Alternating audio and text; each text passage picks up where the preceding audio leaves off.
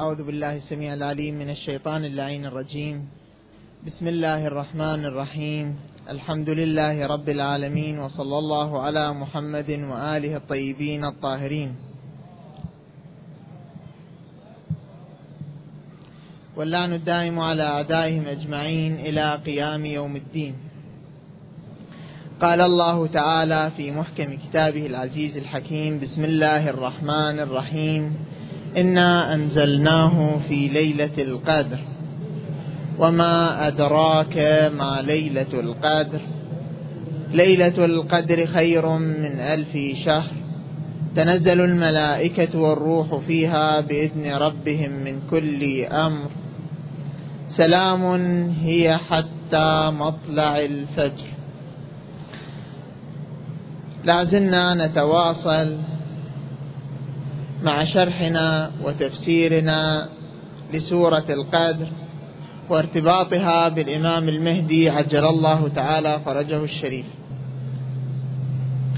تقدم عندنا في الليالي السابقة أننا تكلمنا عن السر وراء تأكيد الأديان الإلهية على عقيدة الإمام المهدي وضرورة الإيمان بها. وتكلمنا عن استمرارية هذه العقيدة وأن الإيمان بالإمام المهدي والاعتقاد به مستمر باستمرار ليلة القدر. هنا قبل أن أدخل في تفصيل آخر في بحث جديد أود أن أتناول شيء. المسلمين جميعا المسلمون بالنسبة لقضية الإمام المهدي ينقسمون إلى قسمين. وغير المسلمين في قضية الإمام المهدي أيضا يؤمنون بشيء معين في قضية الإمام المهدي. إحنا من خلال سورة القدر نريد أن نصل إلى حقيقة يعني نتيجة الأبحاث نصل إلى أن إمامة الإمام المهدي عليه السلام مذكورة في القرآن. البعض يقول أن إمامة أهل البيت عليهم السلام غير مذكورة في القرآن فلا يجب علينا الإيمان بها ولا يجب علينا الاعتقاد بها. نحن نقول ليس إمامة أهل البيت فقط هي المذكورة في القرآن بل إمامة الإمام المهدي وهو آخر أئمة أهل البيت مذكورة بالقرآن. فإذا كان الإمام المهدي اللي هو آخر أئمة أهل البيت عليهم السلام جميعا مذكور في القرآن فكيف بك؟ بعلي عليه السلام بالحسن بالحسين ببقية الأئمة من أهل البيت عليهم السلام.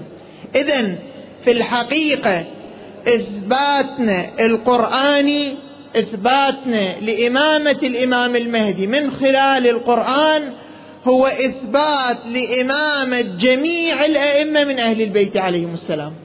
فالإثبات هو وإن كان يتناول بالمسمى بالاسم الإمام المهدي عليه السلام إلا إنه في واقعه وحقيقته يتناول إثباتا من خلال القرآن جميع الأئمة عليهم السلام.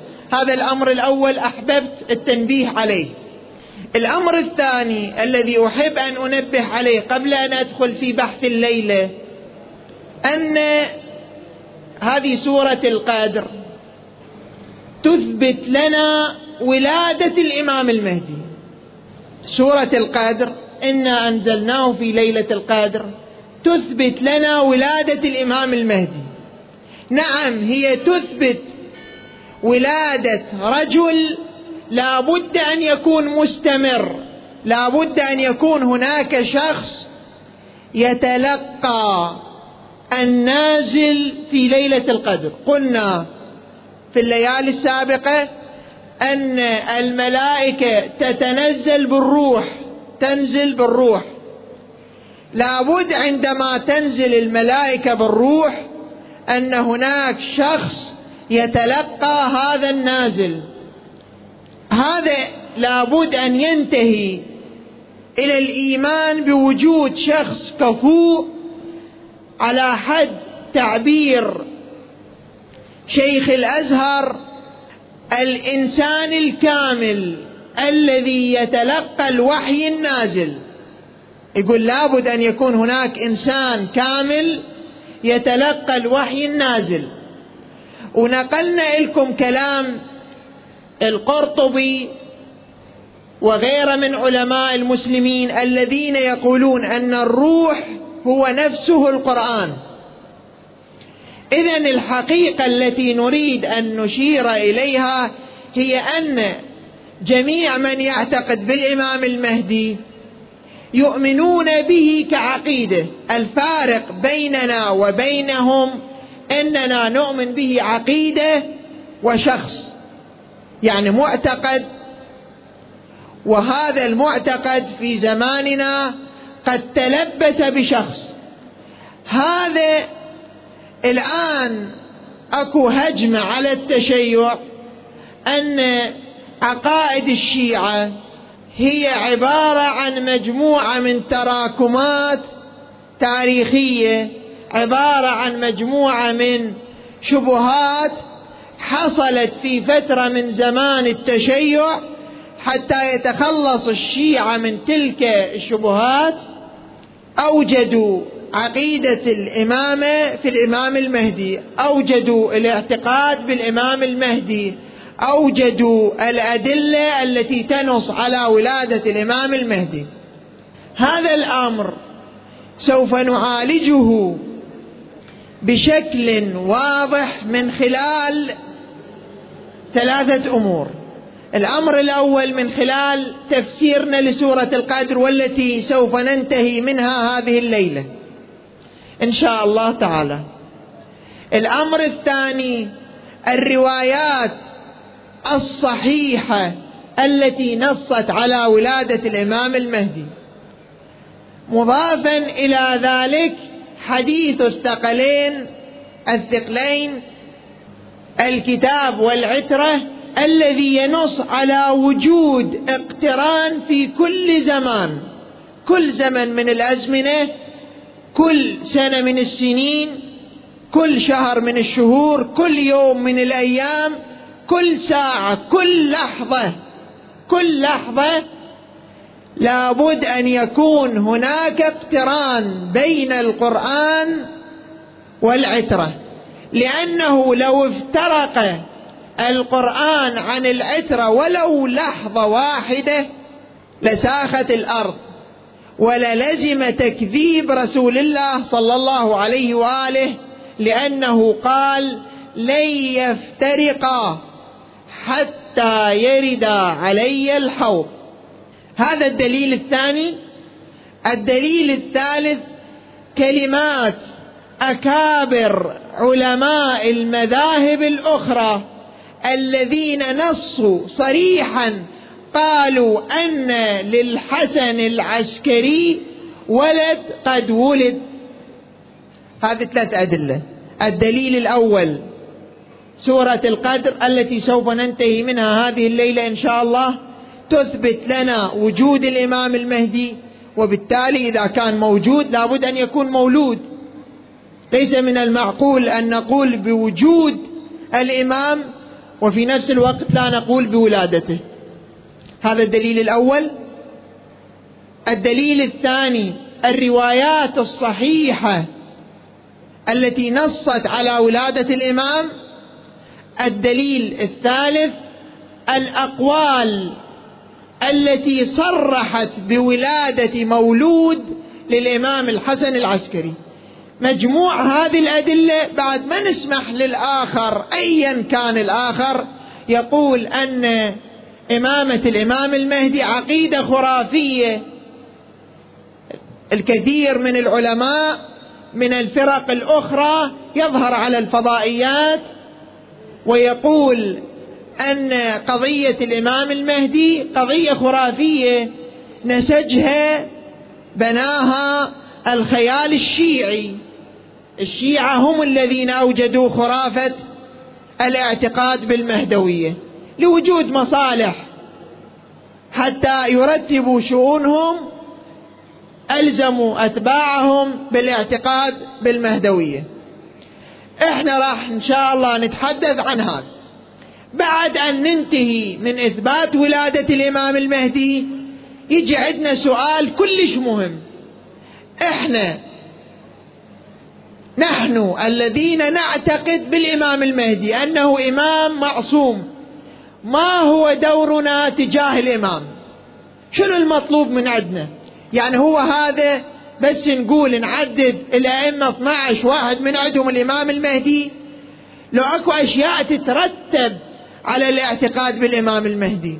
ما هي الأشياء التي تترتب؟ هذا أيضا راح نبحثه.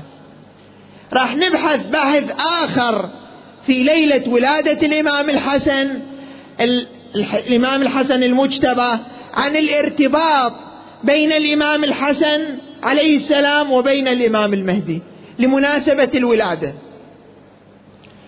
راح نبحث بحث آخر عن المشاكل التي تواجهنا في كل وقت.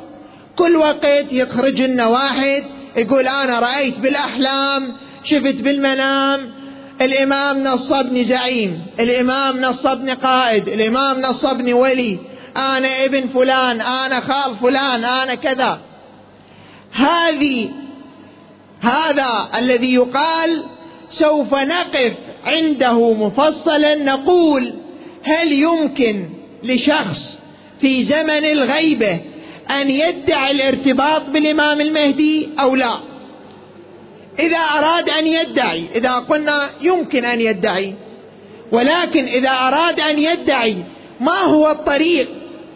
الآن الذي يريد أن يقول أنا طبيب أنا مهندس أكو طريق. يسلك الطريق نتيجة أن يكون طبيب أو يكون مهندس.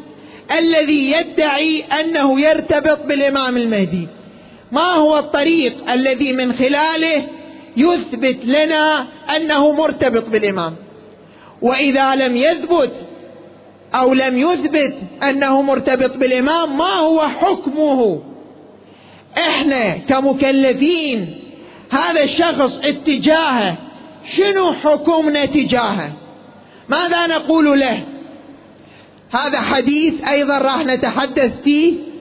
سوف نتحدث عن الأشياء التي نحن مأمورون بها. الكل يعلم أن هناك علامات قبل الظهور. هل نحن مأمورون باتباع العلامات؟ يعني لو خرج شخص اسمه اليماني هل يجب علي اتباع أو لا يجب؟ أنا ما هو تكليفي في زمن غيبة الإمام عجل الله تعالى فرجه الشريف. أيضا سوف نتحدث في هذا الموضوع. ثم بعد ذلك نتحدث عن دولة الإمام. كيف يقيم الإمام دولته؟ كيف نساعد الإمام على إقامة دولته؟ ما هو واجبنا تجاه التمهيد للإمام؟ كل هذه الموضوعات سوف نتناولها. أحببت أن أعطي فهرس إجمالي لما سنتناوله إن شاء الله سبحانه وتعالى لأن بعض الأخوة طلب من عندنا قال أنتم سميتوا هذه الأيام العشرة بالأيام المهدوية ماذا ستبحثون في هذه الأيام؟ هذا فهرس مجمل لما سوف يبحث في الأيام المهدوية الرمضانية التي تبث في العتبة الكاظمية المقدسة. إلى الآن إلى هذه الساعة تكلمنا في ثلاث أبحاث. البحث الأول السر وراء التركيز الإلهي على قضية الإمام المهدي، تحدثنا فيه مفصلا. البحث الثاني الدليل على استمرارية ليلة القدر وأن ليلة القدر مستمرة في كل سنة إلى أن يرث الله سبحانه وتعالى الأرض ومن عليها. ونتيجة لاستمرارية ليلة القدر يستمر تنزل الملائكة. لاحظ أكو عبارة كلش مهمة. الآية شو تقول ليلة القدر؟ اقرأ وياي سورة القدر. إنا أنزلناه في ليلة القدر. وما أدراك ما ليلة القدر.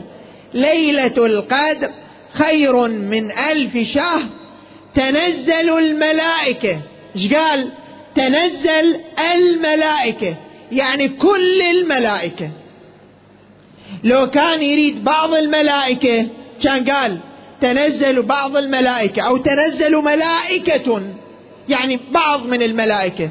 بينما الله سبحانه وتعالى أدخل أداة العموم ليكون عنوان الملائكة شاملا لجميع الأفراد حتى جبرائيل عليه السلام. يعني في ليلة القدر حتى جبرائيل ينزل إلى الأرض. تنزل الملائكة. هذا قرآن. هذه مو رواية حتى يجي واحد يقول لي هذه رواية مو صحيحة. والوحي رفع باستشهاد رسول الله صلى الله عليه وآله.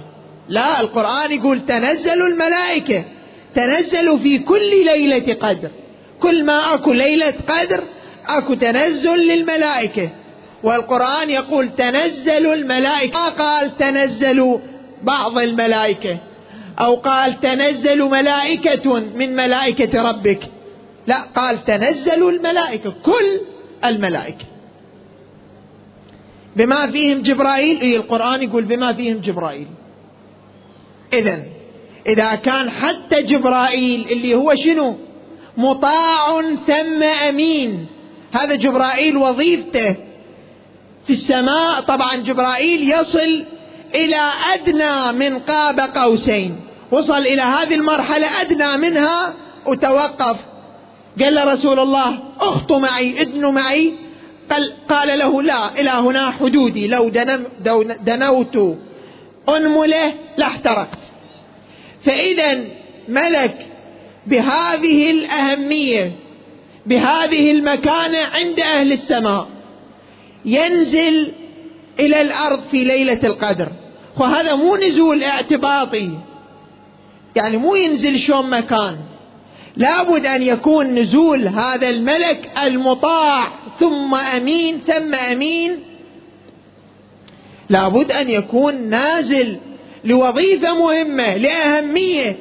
وليس من المعقول أن ينزل جبرائيل الذي تطيعه السماء على شخص ليس له قيمة ليس له أهمية.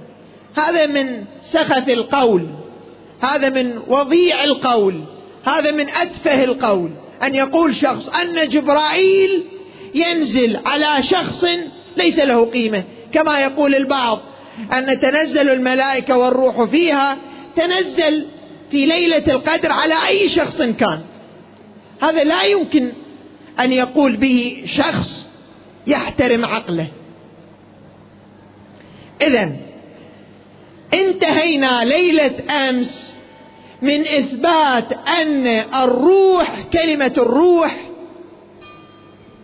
هذه الكلمة معناها القرآن يعني الروح يساوي القرآن. الآن نريد أن نقف ونختم بحثنا في ليلة القدر في آيات سورة القدر بشيئين. الشيء الأول على من تنزل الملائكة. جبرائيل على من ينزل؟ والبحث الثاني بماذا ينزل؟ تنزل الملائكة والروح. هذا الروح قلنا القرآن. إذا كان القرآن إحنا الآن عندنا قرآن هذا قرآن موجود. إيش ينزل بالقرآن؟ ذاك القرآن اللي راح ينزله جبرائيل في كل ليلة قدر. إيش ينزل النبي؟ هذا راح نقف عنده.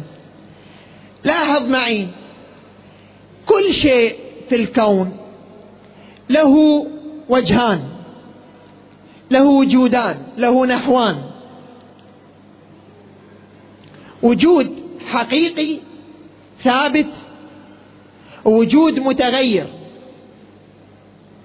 الآن الإنسان إلى وجهين إلى حقيقتين إلى وجودين يسموه.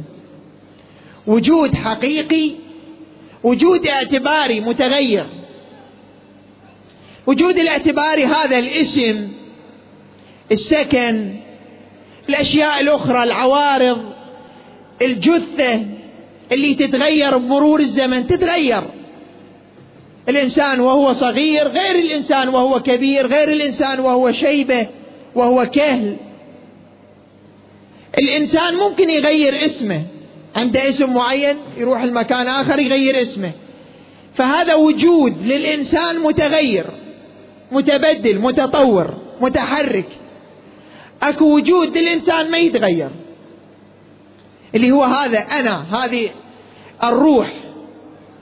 اللي هي الحقيقة الإنسانية اللي لو انتزعت عن الإنسان لأصبح جثة هامدة. الإنسان حتى ويا نفسه يقول أنا. أول ما يولد يقول أنا. لما يكبر يصير عمره ثمانين سنة يقول أنا. هذه أنا أنا أنا. لم تتغير حتى مع تغير الإنسان بمروره بمراحل عمرية بمناطق جغرافية متعددة بظروف متعددة أوجبت تغيره. فإذا كل شيء إلى حقيقتين. حقيقة اللي هي نعبر عنها الواقعية حقيقته اللي يكون محافظ عليها طيلة فترة وجوده. وحقيقة أخرى متغيرة متبدلة دائما تتبدل تتغير. القرآن لأنه شيء من الأشياء أيضا يخضع لهذا القانون. فإلى وجودين إلى حقيقتين. حقيقة ملكوتية حقيقة واقعية لا تتغير لا تتبدل. وحقيقة أخرى حقيقة الألفاظ. هذه الكتابة الموجودة بالقرآن. اللفظ القرآن الآن مو وجود خارجي مجسم يمشي يتحرك لا. القرآن موجود كلمات. ولما نقراها تصير ألفاظ. فالقرآن حروف وكلمات. أكو قرآن آخر اللي هو عند الله. الآن راح أقرأ الآيات القرآنية التي تشير إلى أن القرآن عند الله غير القرآن عندنا. هذا القرآن نزل من ذاك القرآن. لذلك هذا القرآن شبيه هذا القرآن بي عام وبي خاص ناسخ. وبي منسوخ هذا القرآن بي تبدل بي تغير. نزلت آية على زمن الرسول. في مكة في المدينة نسخت تغيرت تبدلت صار نسخ بالقرآن.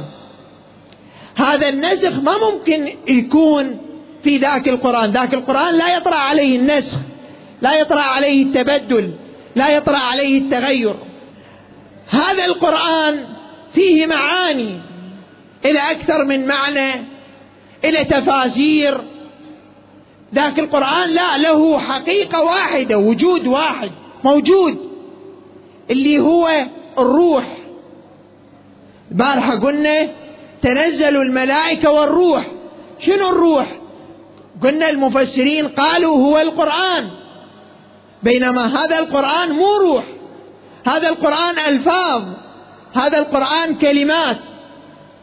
لاحظ راح أبين لك خواص القرآن الموجود بين أيدينا وخواص القرآن الموجود عند الله. حتى نلتفت لأنه إحنا هذه الحقيقة ما ندركها إلا أن تكون لها خواص. لابد أن تكون لها خواص. لاحظ معي الآيات القرآنية التي تبين خواص هذا القرآن وتبين خواص ذاك القرآن ولاحظ الفرق بين الاثنين. شوف الله سبحانه وتعالى عندما يتحدث عن القرآن الذي يصفه بأنه في كتاب مكنون مخزون. هذا القرآن مو في كتاب مكنون. موجود. يقول إنه لقرآن كريم. هذا القرآن الكريم وين؟ في كتاب مكنون. بعد لا يمسه لا يمس القرآن إلا المطهرون. أنت الآن إذا ما كنت مطهر تقدر تمس القرآن لو ما تقدر. تقدر تمس. بس نقول لك حرام عليك. بينما ذاك القرآن لا يمسه إلا المطهرون الله يقول لا يمسه إلا المطهرون. إنما يريد الله ليذهب عنكم الرجس أهل البيت ويطهركم. ويطهركم. في كتاب مكنون لا يمسه. لا يمس القرآن إلا المطهرون. ليذهب عنكم الرجس أهل البيت ويطهركم. حتى شو يصير؟ تمسون ياهو ذاك القرآن. هذه خاصية أولى لذاك القرآن مو لهذا القرآن. زين. خاصية ثانية. لاحظ معي. لو أنزلنا هذا القرآن على جبل ماذا يقول؟ لرأيته خاشعا متصدعا متكسرا. هذا القرآن خلنا ناخذه ننزله على جبل. يتكسر؟ لو أنزلنا هذا القرآن على جبل لرأيته خاشعا متصدعا. لرأيت الجبل متكسر. مع أننا نضع القرآن على الجبل. لا يتكسر. إذا لابد القرآن يحكي عن قرآن ثاني. لابد أن يكون القرآن يتحدث عن قرآن آخر. ليش؟ لأن ذاك القرآن ما إلى هاي الخواص. يمسه غير المطهرين.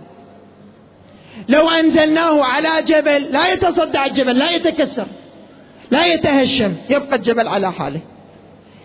إذا القرآن بنفس القرآن. يعني هذا القرآن النازل على قلب محمد صلى الله عليه وآله طيلة 23 سنة. هذا القرآن شبيه إلى خواص. ذاك القرآن إلى خواص.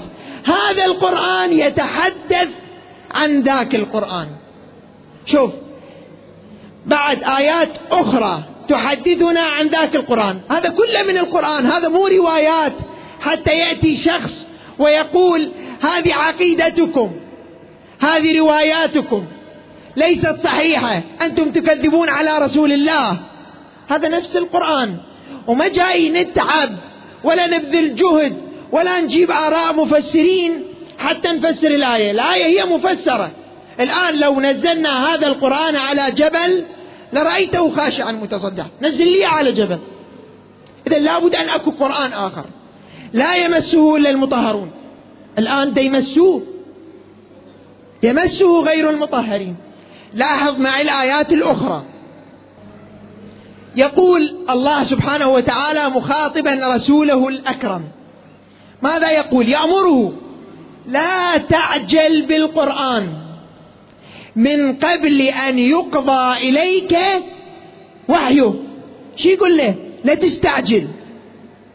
يعني أكو شيء عنده. ويأمره يقول له أوقف لا تمطي من قبل أن يقضى إليك شنو؟ وحيه. يعني أنت لا تنطي اللي عندك من القرآن اللي عندك. قبل أن يوحى إليك أن قل.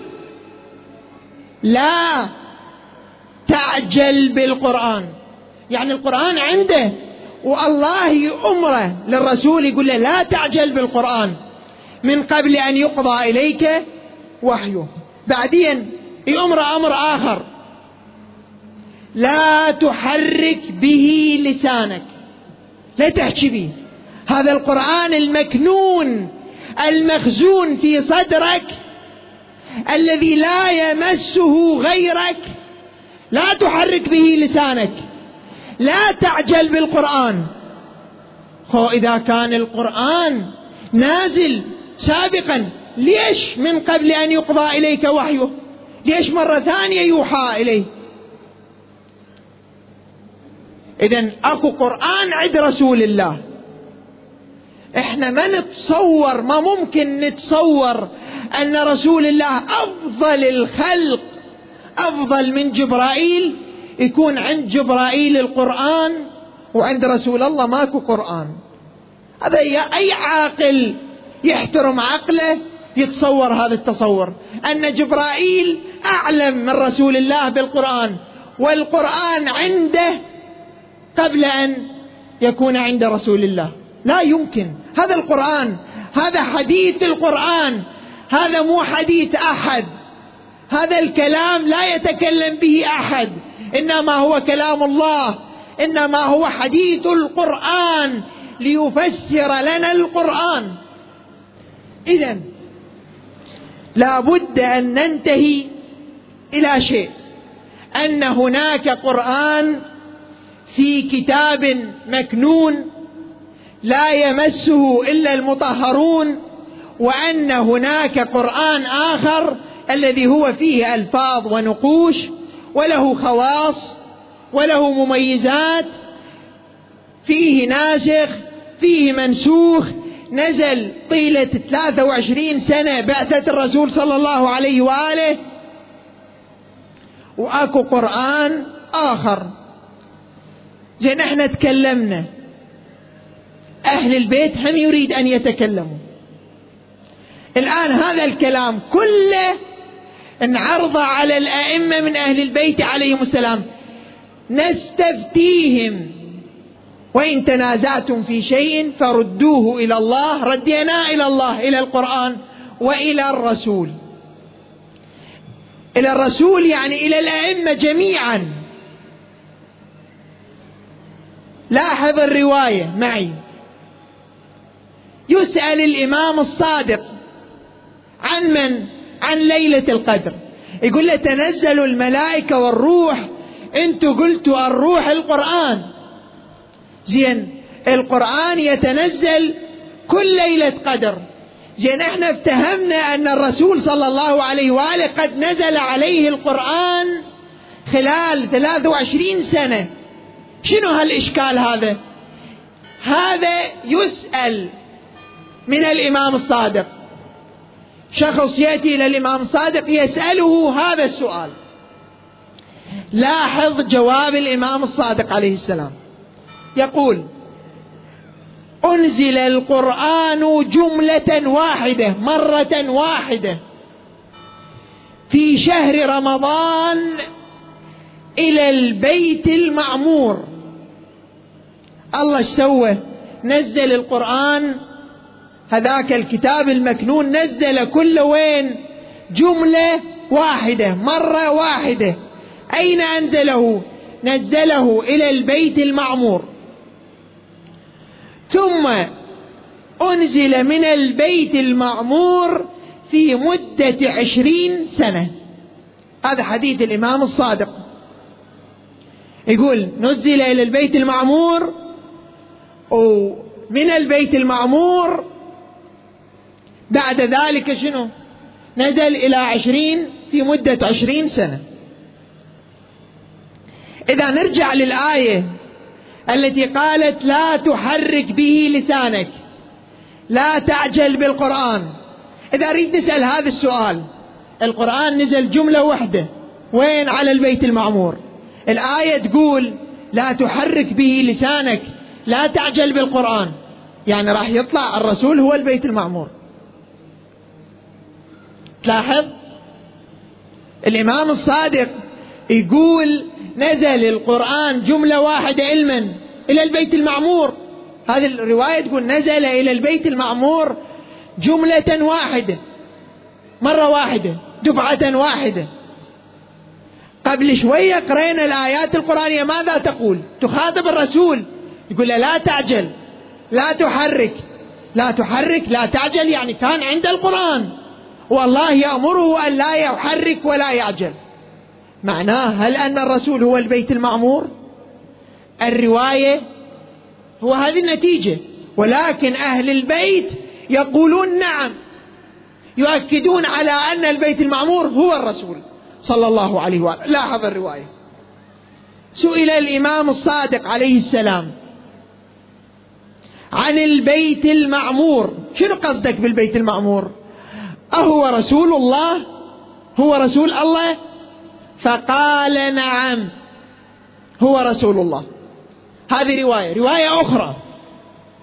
وفي رواية أخرى عن أهل البيت عليهم السلام في أحد زياراتهم في أحد الأحاديث التي تتحدث عنهم. ماذا يقولون؟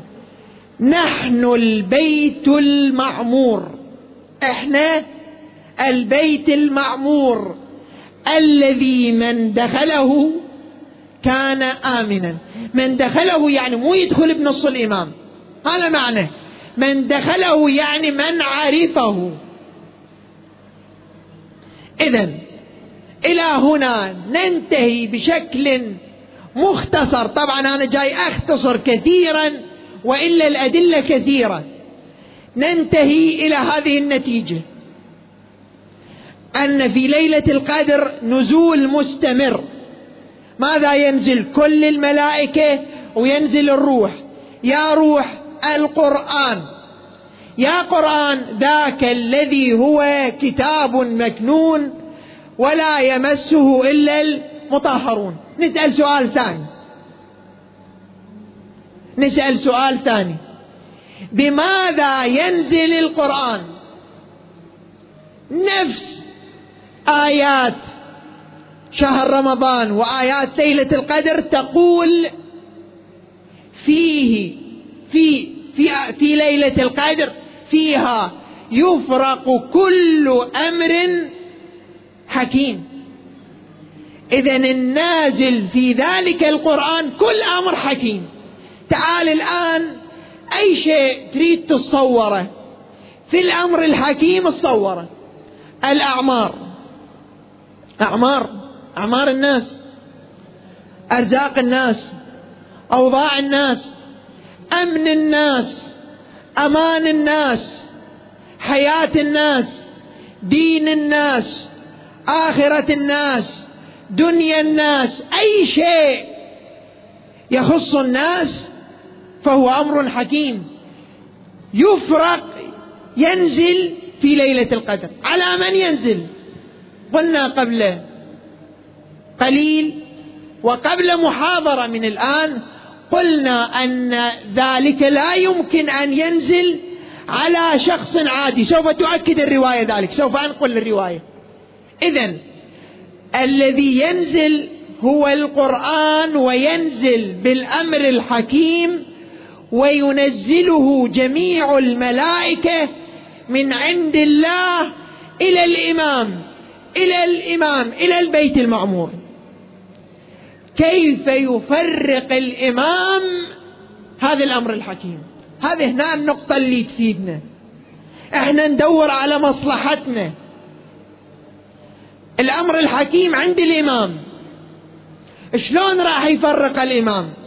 هل من المعقول أن يفرق الإمام الأمر الحكيم على شخص لا يعرف الإمام لا يعترف بالإمام لا يهتم بالإمام؟ لا يمكن ذلك. يا أخوان قلنا الله سبحانه وتعالى حتى يريد من الناس أن يحيوا ليلة القدر سوى لها خلالها شهر رجب مقدمة شهر شعبان. مقدمة. شهر رمضان كل صيام عبادات زيارات أدعية. ونظل نلح بالدعاء حتى شنو؟ نحيي ليلة القدر. مقدمات متعددة حتى نحصل على ليلة القدر. زين إخوان مو نحصل على ليلة القدر يعني نحصل على الوقت. ما له معنى. الوقت كل إنسان يقدر يحصله. حتى الإنسان اللي ما يؤمن بألله. يقدر يقعد بليلة القدر ويحصلها. ولكن يريد أن يؤكد على شيء آخر. يريد أن يؤكد أنكم يا أيها الناس كتب عليكم الصيام لعلكم تتقون حتى ترتقي أنفسكم. ترتفع. قل تعالوا أتلو عليكم. القرآن يقول إذا تريدون أتلو عليكم ما حرم ربي تعالوا. مو أنا أجي. قل تعالوا أتلو عليكم ما حرم ربي مو أنا أروح أنتوا تعالوا. إحنا هينا لكم الطريق عبدنا لكم الطريق. كل ما هنالك أنتوا تجون إحنا ننطيكم. تعالوا إحنا ننطيكم. قل تعالوا اتلو عليكم ما حرم ربي. علما ناتي نذهب إلى الإمام. كيف نذهب إلى الإمام؟ إذا أطعنا الإمام حق طاعته. إذا عرفنا الإمام حق معرفته. هذا كيف وبأي وسيلة نجيب عنه في محاضرة أخرى. أختم حديثي بدعاء ورواية في حق هذه الليلة يعني ليلة القدر. لاحظ الرواية ماذا تقول.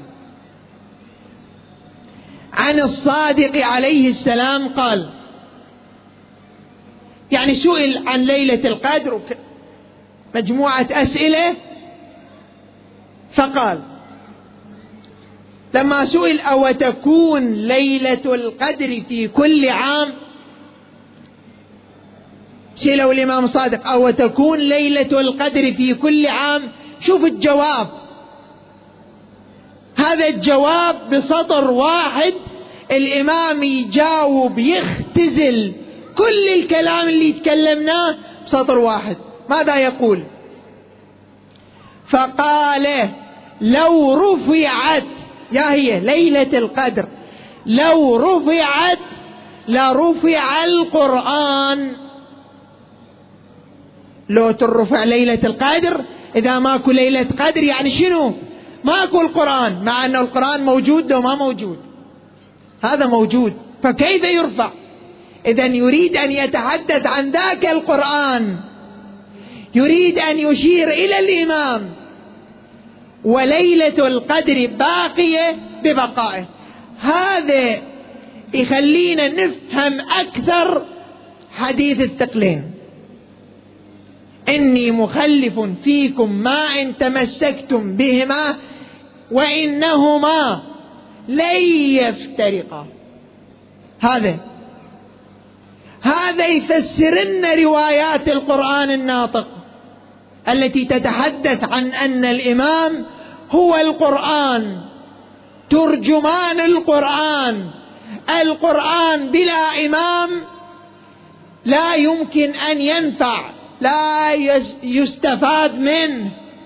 لذلك ظل بالقرآن من عزل القرآن عن مترجمه عن قرينه.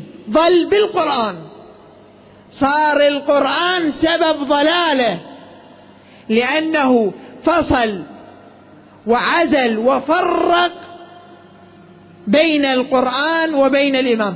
هذا هو حديث الرسول. لن يفترقا لن تضلوا يعني إذا افترقا سوف تضلوا فأي واحد يتمسك بالقرآن فقط سوف يضل كما قال الرسول صلى الله عليه وآله. شوف زيارة الإمام المهدي عليه السلام في يوم ولادته. ماذا يخاطبه الإمام؟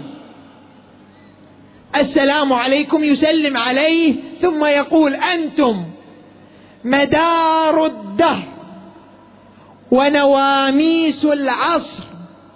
وولاة الأمر والمنزل عليهم. منو؟ أهل البيت. والمنزل عليهم في ليلة القدر. والمنزل عليهم ما يتنزل في ليلة القدر. إذا انتهينا إلى هنا ب أولا وقفنا على السبب والسر الذي ركزت بموجبه الأديان على الإمام المهدي. أثبتنا ولله الحمد من القرآن استمرارية ليلة القدر. أثبتنا أهمية ليلة القدر بالنسبة للناس. أثبتنا أن النازل في ليلة القدر كل الملائكة حتى جبرائيل أثبتنا أن الروح هو نفس القرآن ولكن ليس القرآن الذي بين أيدينا بل هو القرآن المكنون الذي لا يمسه إلا المطهرون. وأثبتنا أن من ينزل عليه الروح وتتنزل عليه الملائكة هو إمام آخر الزمان وللحديث تتمة. وصلى الله على محمد وآله الطاهرين. اللهم كن لوليك الحجة بن الحسن صلواتك عليه وعلى آبائه في هذه الساعة وفي كل ساعة وليا وحافظا وقائدا وناصرا ودليلا وعينا حتى تسكنه أرضك طوعا وتمتعه فيها طويلا. اللهم صل على محمد وآل محمد واجعلنا ممن عرف الإمام وعرف ليلة القدر حتى استحق فضلها. وصلى الله على محمد وآله الطاهرين والسلام عليكم ورحمة الله وبركاته.